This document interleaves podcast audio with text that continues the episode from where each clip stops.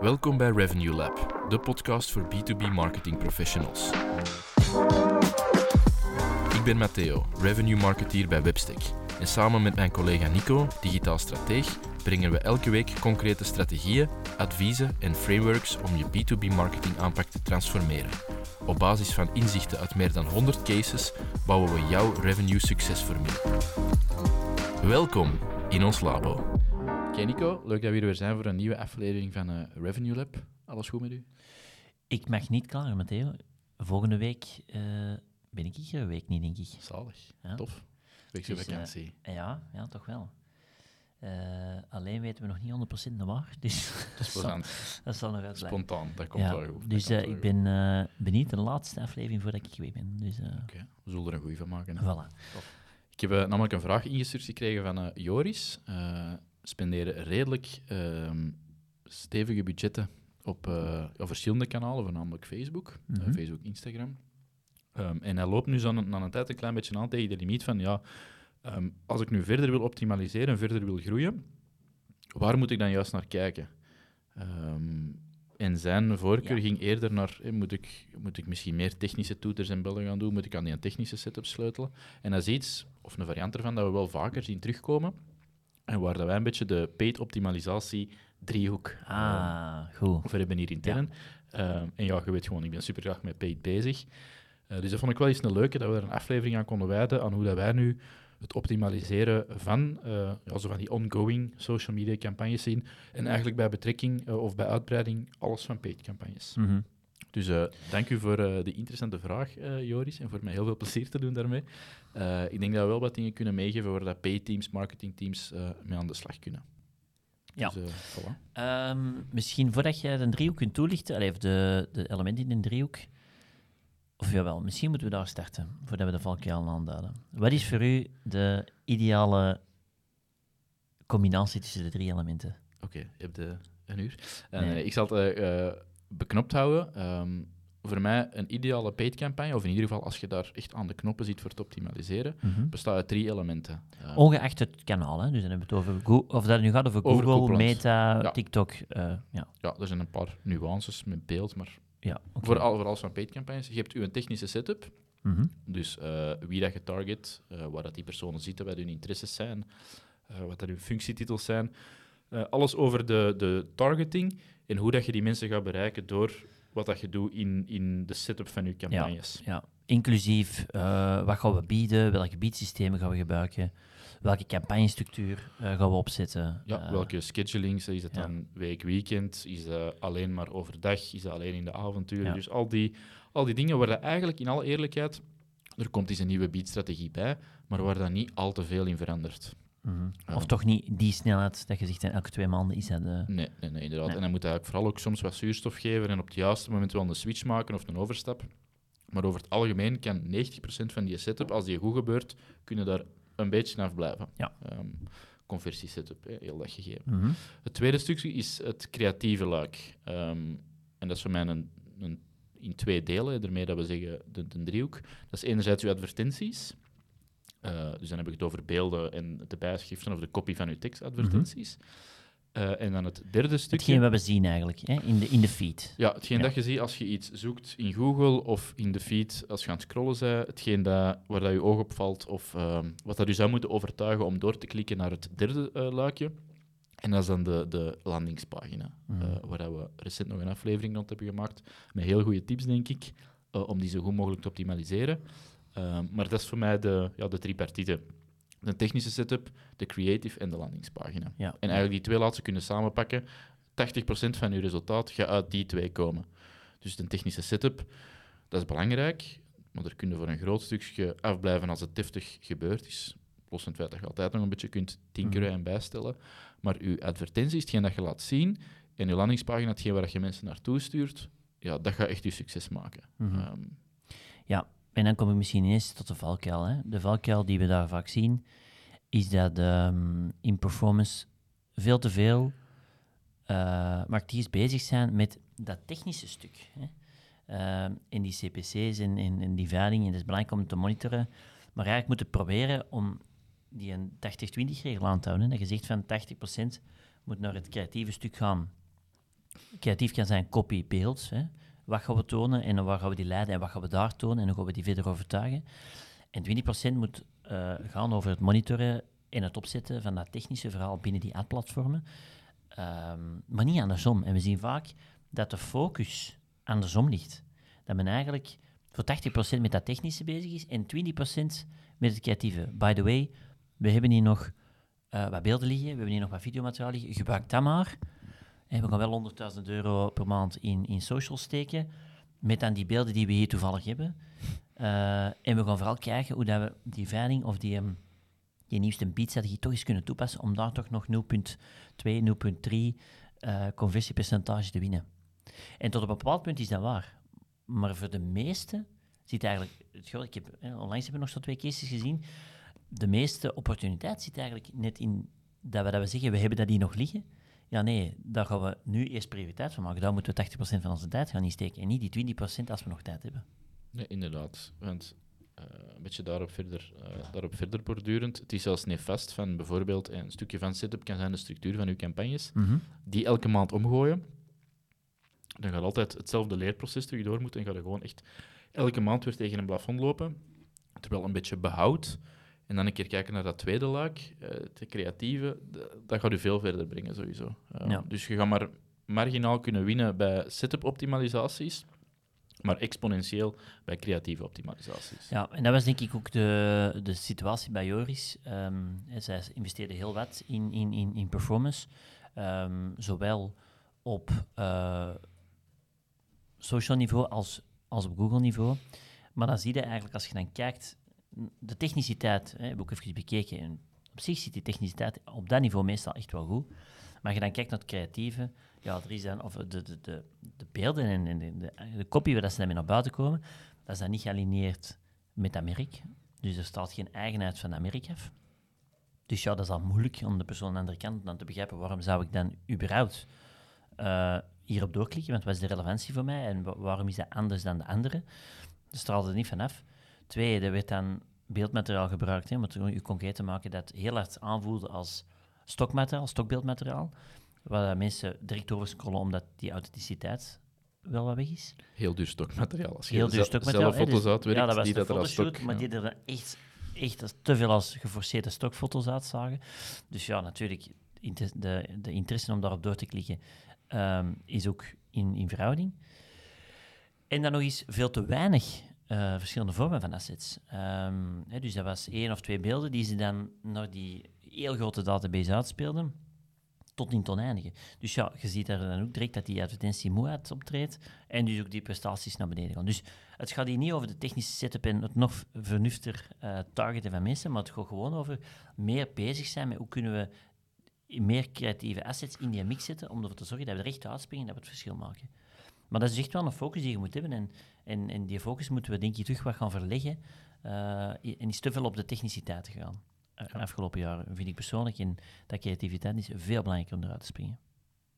Wat ik daar een belangrijke tip vind, of een goede om mee te geven, is dat um, uw assets, uh, die staan niet los van uw strategie. Terwijl ja. je heel vaak ziet dat die los daarvan worden ontwikkeld. Uh -huh. uh, stel nu, ik zal het voorbeeld van een vastgoedspeler aanhalen, of een makelaar. Stel nu dat, die zijn, dat de strategie is gebleken of in de strategie is geformuleerd. Um, dat niet het bezichtigen van, het bezichtigen van panden samen, dat dat niet zijn toegevoegde waarde is, maar het uh, in orde brengen van heel de papiermolen om de verkoop succesvol te doen doorgaan en te zien dat die niet afspringt. Want dat is wel een beetje complex en die wetgeving durft al eens wijzigen. En dus je hebt daar een mooi traject doorlopen en dat is de conclusie, dat is neergeschreven, daar gaan we op werken. En dat wordt dan niet voldoende doorgebriefd en de adjes worden gemaakt en er wordt gewoon gezegd van uh, wij uh, pakken uw woning in pand, uh, of, of, in portefeuille. En wij gaan voor u de bezichtingen regelen, want mm. dat is toch veel werk en veel stress. Terwijl er net uit de strategie was gebleken, mensen vinden dat niet erg en dat is eigenlijk zeker niet het meeste werk. Als er goede afspraken rond zijn, heeft een makelaar daar misschien zelfs niet de meeste toegevoegde waarde. Ik ga even heel kort door de bocht. Um, maar die wil het verschil maken door echt ja, een korte opvolging te doen qua papierwerking, qua do kennis documenten. van de regio, kennis van de prijs in de regio. Hè, dus je gaat u veel, je gaat ervoor kunnen zorgen dat je er een veel hogere prijs van je woning kunt krijgen. Ja. Uh, op waarschijnlijk een veel snellere tijd dan dat je dat zelf zou doen. En, en, en zonder fouten dan, zodat, Ja. er, zodat je zeker geen risico's hebt achteraf. Maar we hebben die strategie en dan ergens in de doorvertaling ja, mist dat. En dan ben je eigenlijk hetzelfde aan het zeggen of iets heel braaf aan het brengen van ja, Mhm. eh, wij zijn de partij voor u, want we kennen de regio en we gaan die bezichtigingen, we gaan zien dat je dat niet moet doen. Even heel kort door een bocht. Nee, het zou veel sterker zijn om te kijken wat zijn nu creatieve invalshoeken om met dat idee van geen eh, stress over documenten, eh, zeker in orde bij de notaris, vlot schakelen in de verkoop vanaf dat er een akkoord is. Wat zijn zo daar de, de, de dingen waar dat mensen van wakker liggen, waar dat we op kunnen eh, verder borduren en die dat we in onze advertenties kunnen steken? Mhm. En je voelt direct, ehm, die handover is heel belangrijk, maar dan het doordenken op die strategie om dat zo goed mogelijk te vertalen in advertenties. En dat zien we soms niet. Ehm, en allee, wat ik daar zeker ook nog als, als tweede tip wil meegeven is, ehm, begint dat niet te doen, dat creatief nadenken, terwijl dat je die platformen open hebt. Dat is eigenlijk een moment even weg van je laptop of weg, weg uit de, eh, de, het eh, pla- advertentieplatform. Daar moeten even een tijd voor pakken om deftig over na te denken, wat schetsen te maken, eh goede voorbeelden te zoeken en je te laten inspireren. Je designt die of je laat die designen en dan kun je terug naar je advertentieplatform. Maar het is, het is een heel gevaarlijke om eh, optimaliseren te zien als we zetten het advertentieplatform open, we gaan links en rechts iets aanpassen en dat is het dan. Mhm. Er is echt wel even een uitzoommoment om even te kijken van wat zijn invalshoeken dat we kunnen meepakken, je werkt die uit en dan kunnen die tijdens een op- optimalisatieronde op een later moment kunnen die assets dan bijvoorbeeld inlassen. Mhm. Ja. Dus die doorvertaling van de strategie, super belangrijk om, eh, om daar ook bewust mee bezig te zijn. En dat brengt mij misschien ineens naadloos tot enkele oplossingen. hè, Want ehm, we hadden er een paar voor deze sessie een paar al eens opgelijst voor onszelf. De dingen die wij als oplossingen gaan aanreiken. En misschien dat het wel een goed moment is om die oplossingen vandaag eens even eh, Ja. te brengen. Ehm het eerste puntje is eigenlijk, oké, we, we hebben die, die, die driehoek waar we op focussen, naar optimalisatie. We vinden dat 80% naar het creatief moet gaan, 20% naar de technische, het technische setup stuk. Hè, en niet andersom, naar optimalisatie, ruimte en tijd. Ehm eerste oplossing, denk ik, is als je meer met dat creatief wilt bezig zijn, dat is wat jij net zegt, ken, je dan genoeg je doelgroep? Hè? Weet je voldoende welke argumenten het verschil maken in het voorbeeld van die vastgoedspeler, ehm, als dat is het hele administratieve eh romslomp rond het verkopen van een woning, of eh, een beter idee over de prijzen in die regio bijvoorbeeld, ja, dan moet dat uitspelen in je assets, in je creatieve assets, eh, en niet inderdaad eh, het, de, de afspraken regelen om de woning te komen bezoeken bijvoorbeeld. Dus probeer heel duidelijk af te lijnen waar zijn wij de, eh, bij de meest toegevoegde waarde, wat is ons verhaal en hoe gaan we dat goed doorvertalen, dat dat geen twee aparte zaken zijn. Maar diepgaande kennis natuurlijk van een dorp is belangrijk om gewoonweg beter creatieve dingen te maken. Dus het is niet gewoon leuke beelden maken. Eh, hetzelfde bijvoorbeeld vind ik een heel goed voorbeeld, ook met projecten met vast, eh, vastgoed, eh vind dat ook dat dat heel vaak terugkomt, is als ze nieuwe projecten lanceren, en dat doen ze allemaal, komen ze vaak met dezelfde renders, met dezelfde, die ze bij dezelfde partijen laten maken. Dus die assets die er dan zijn, ja, die brengen geen verhaal. Hè. Dat, is, dat zijn beelden van hoe dat de bakstenen er zouden kunnen gaan uitzien binnen twee jaar als we het gebouwd hebben.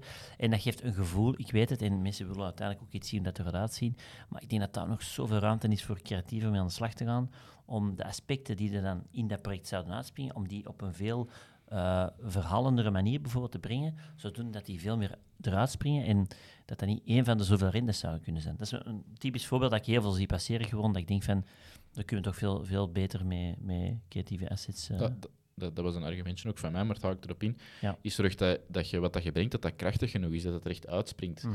En ik denk dat het heel vaak heel te weinig gebeurt. Dat bijvoorbeeld, we willen voor een bepaald keyword scoren. We hebben een set van 20 die super belangrijk zijn. Dat die nog te zelden eens een keer worden gegoogeld om te kijken wat zijn de vier of vijf advertenties waarnaast dat wij gaan verschijnen. Mhm. En je moet die oefening misschien maar zelf doen of, of, of, of dat testje. Als je vijf sterk op elkaar gelijke advertenties ziet staan en je idee is om er eigenlijk nog een zesde naast te zetten, want je vindt dat wel goed en gaat dat ook zo in gedachten.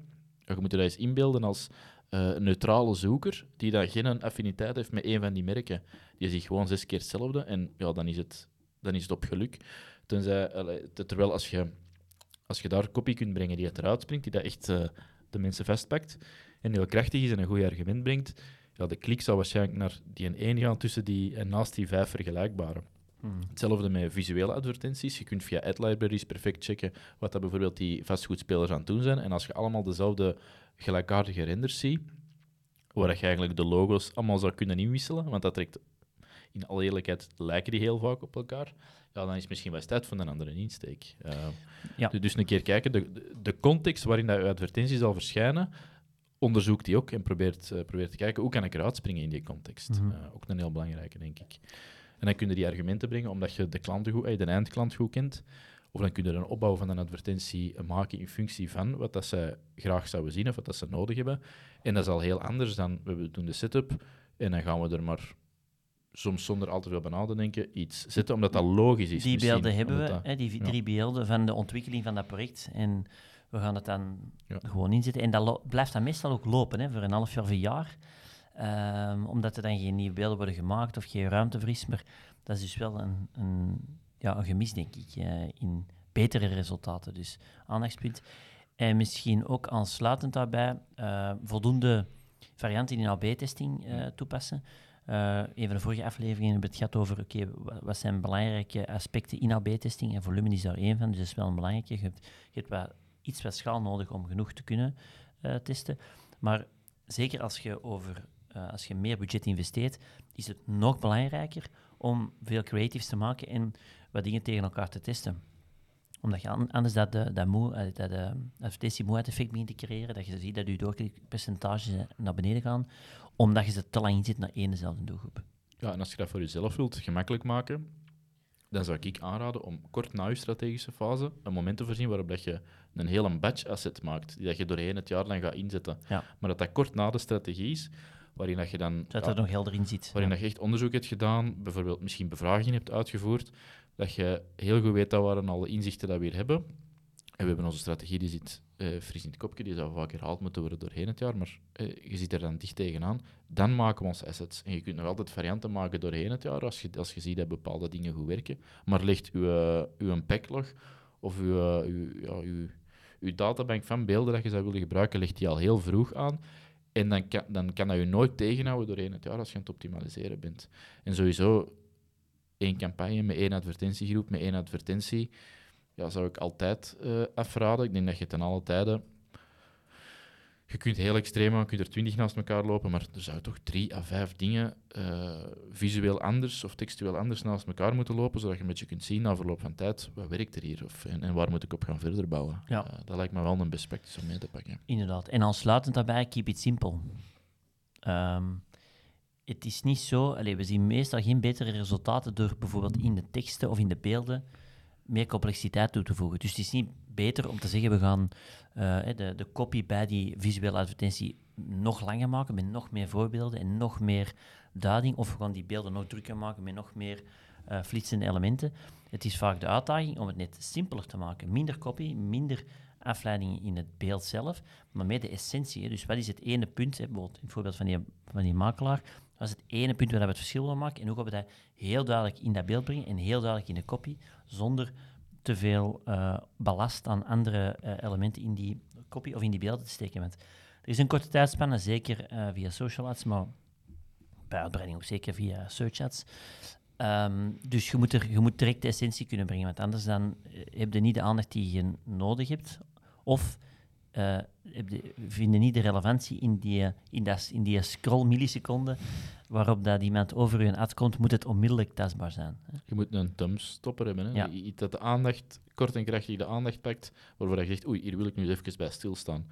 Een doorklik is nog iets anders, maar als ze het op zijn minst gezien hebben in social, dat is al het eerste. Als ze voorbij je scrollen en je hebt, niet, je hebt niks geconstrueerd waarvoor dat je even zou stoppen om te blijven kijken, dan gaat je de klik ook, ook nooit krijgen. Dus dat, is al, dat zou je eerste ding moeten zijn. Zien dat ze stoppen en stilstaan bij je advertentie. En dan hetgeen dat erna komt, allee, daar moet ook over nadenken, moet ook mee in de overweging zitten. Maar als ze niet stoppen, gaan ze nooit klikken. Dus, Ja.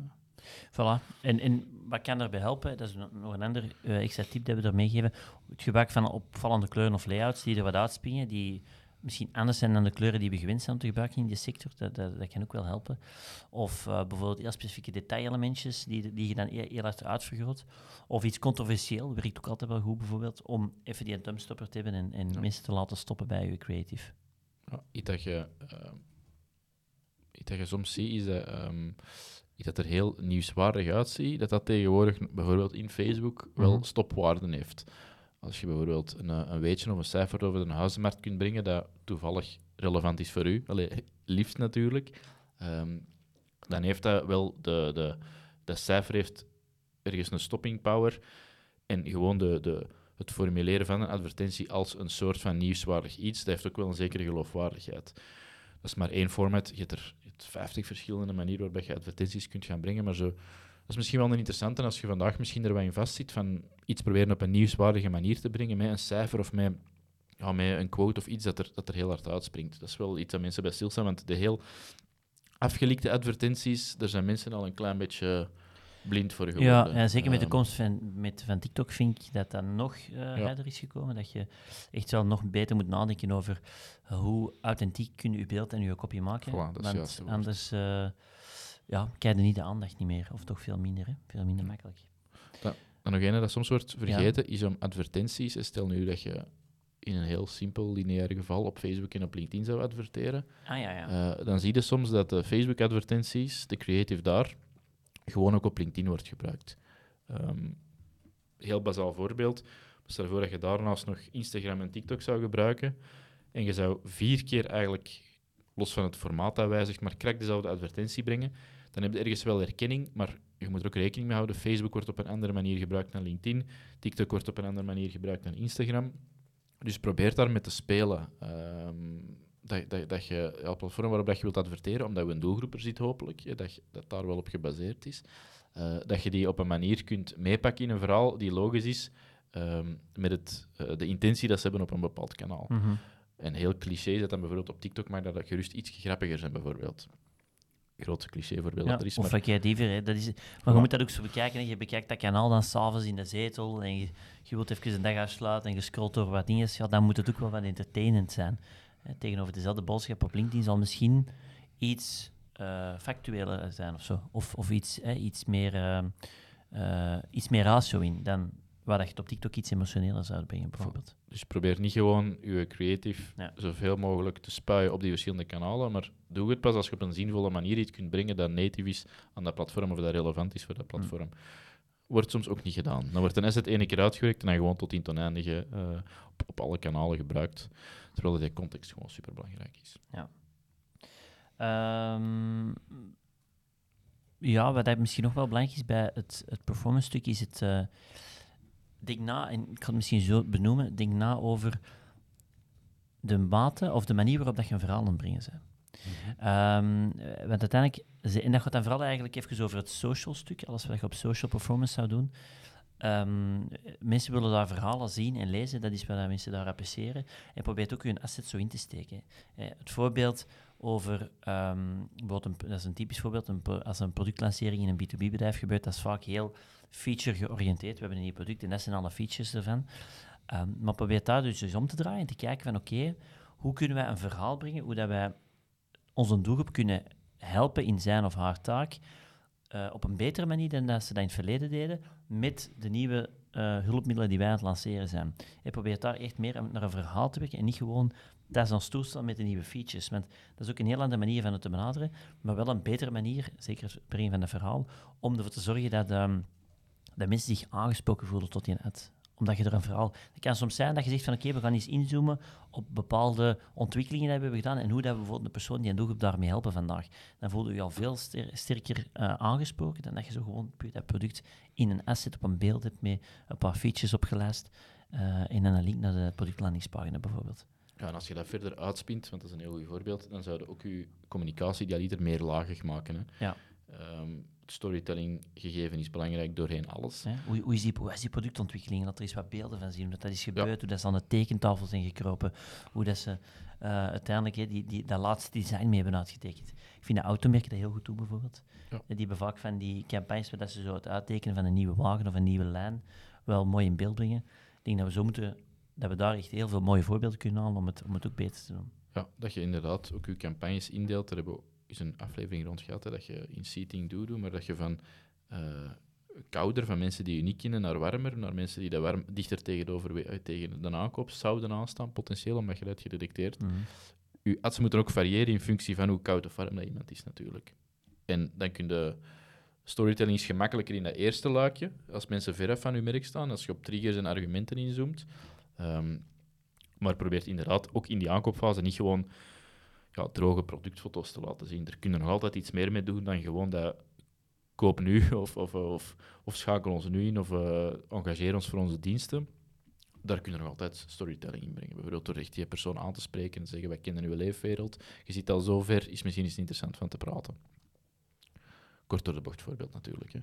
Ja. Maar de, de verhalen, dat is sowieso een superbelangrijk. Ja, dat is iets, dat, dat is niet gemakkelijk. Heb pas op, dat is echt... Uh, ik vind, dat is niet altijd gemakkelijk om daar altijd een mooi verhaal rond te maken. Het hoeft niet altijd moeilijk te zijn, maar in ieder geval moet wel, denk ik, de mindset hebben van, zijn we hier het verhaal van dit nieuwe product of van ons merk aan het vertellen? Hè? Waar, waarom zijn we destijds um, ontstaan? Wat was onze bestaansreden en hoe laten we dat doorvloeien in onze campagnes? Is bijvoorbeeld ook een belangrijke, dan gaat het over positionering, maar hoe vertalen wij het verhaal van onze positionering door in onze campagnes? Hm. Dat is ook zo eentje dat er wel bij hoort. Uh, maar dat is op een andere manier nadenken over je creatief en puur het factuele. En dat is uh, ook eentje wat er weinig doen, maar die echt wel een grote boost kunnen geven aan de performantie van je, van uw campagnes. Voilà. Helemaal. Ik denk, uh, ik begin nog puntjes meteen, maar ik denk dat dat zo de belangrijkste aspecten waren. Um, misschien kort samengevat. Um, ja, de valkuil die wij zien, we proberen altijd naar drie aspecten te kijken. Technische setup van campagnes, enerzijds. Anderzijds het creatieve stukje dan opgesplitst onder, laten we zeggen, de creative zelf en de landingspagina. Die drie moet je eigenlijk altijd roteren om uh, goede optimalisaties te doen. Zorg, en dat is de valkuil die nou wordt gemaakt, zorg dat je niet 80% van je tijd in de technische setup ziet, maar probeer die 80% te verschuiven naar heel het creatieve laag. Hoe kunnen we nieuwe assets maken, betere assets maken, nieuwe dingen testen. Mm Um, daar moet meer aandacht aan gaan. Daar gaat te weinig aandacht naar voor de performantie te verbeteren. En als het dan gaat over ja, uh, welke dingen kunnen doen, ik denk dat er heel wat dingen zijn aangehaald die je kunt bekijken, zoals beter in begrip van je doelgroep, meer AB-testings gaan doen. Probeer het een verhaal te vertellen. Um, denk dat we nog, probeer het simpel te houden, probeer die uh, ook kanaalspecifiek te zijn. Die hebben we nog wel een paar genoemd hebben, maar in ieder geval een paar startpunten om ervoor te zorgen dat je creatiever aan de dag, uh, voor de dag kunt komen en uiteindelijk bottomline betere resultaten kunt halen. Helemaal. Um, ik ben heel benieuwd trouwens, uh, voor degenen die vandaag luisteren of kijken, welke uh, pijnpunten, als het gaat rollen over die 80-20, wil ik wel eens horen welke pijnpunten dat zij ervaren. Uh, hebben zij ook die verdeling of lopen zij tegen limieten om bijvoorbeeld die 80% creativiteit, om dat in te vullen? Wil ik graag wel eens weten. Dus als er mensen zijn die daar vragen of opmerkingen of feedback kunnen rondgeven, die mogen dat altijd via ons of via LinkedIn even sturen of via websteek.be slash vraag. Dan komen we daar heel graag op terug en dan denk ik dat we daar nog eens een nieuwe aflevering over kunnen maken. Want uh, er valt veel over te vertellen. Absoluut. Uh, creativiteit in ads en vooral waar gaan we naartoe uh, de komende drie tot vijf jaar? hoe zou de ads er moeten gaan aanzien in drie tot vijf jaar? Er zijn toch heel wat, wat nieuwe denkpistes rond. Dus we zijn zeer enthousiast om daar op een andere aflevering nog eens wat meer over te vertellen. Voilà. En moesten er geen vragen zijn, dan horen we of zien jullie graag tijdens de volgende Revenue Lab. Alvast tot dan. Merci dat je erbij was voor deze aflevering van Revenue Lab. Vergeet je zeker niet te abonneren om geen enkele aflevering te missen. Heb je een specifieke vraag voor ons? Dan mag je dit altijd inzetten via webstick.be vraag. Wil je exclusief toegang krijgen tot onze frameworks, playbooks en Ivaitonia events? Meld je dan aan via webstick.be lab. Tot volgende week.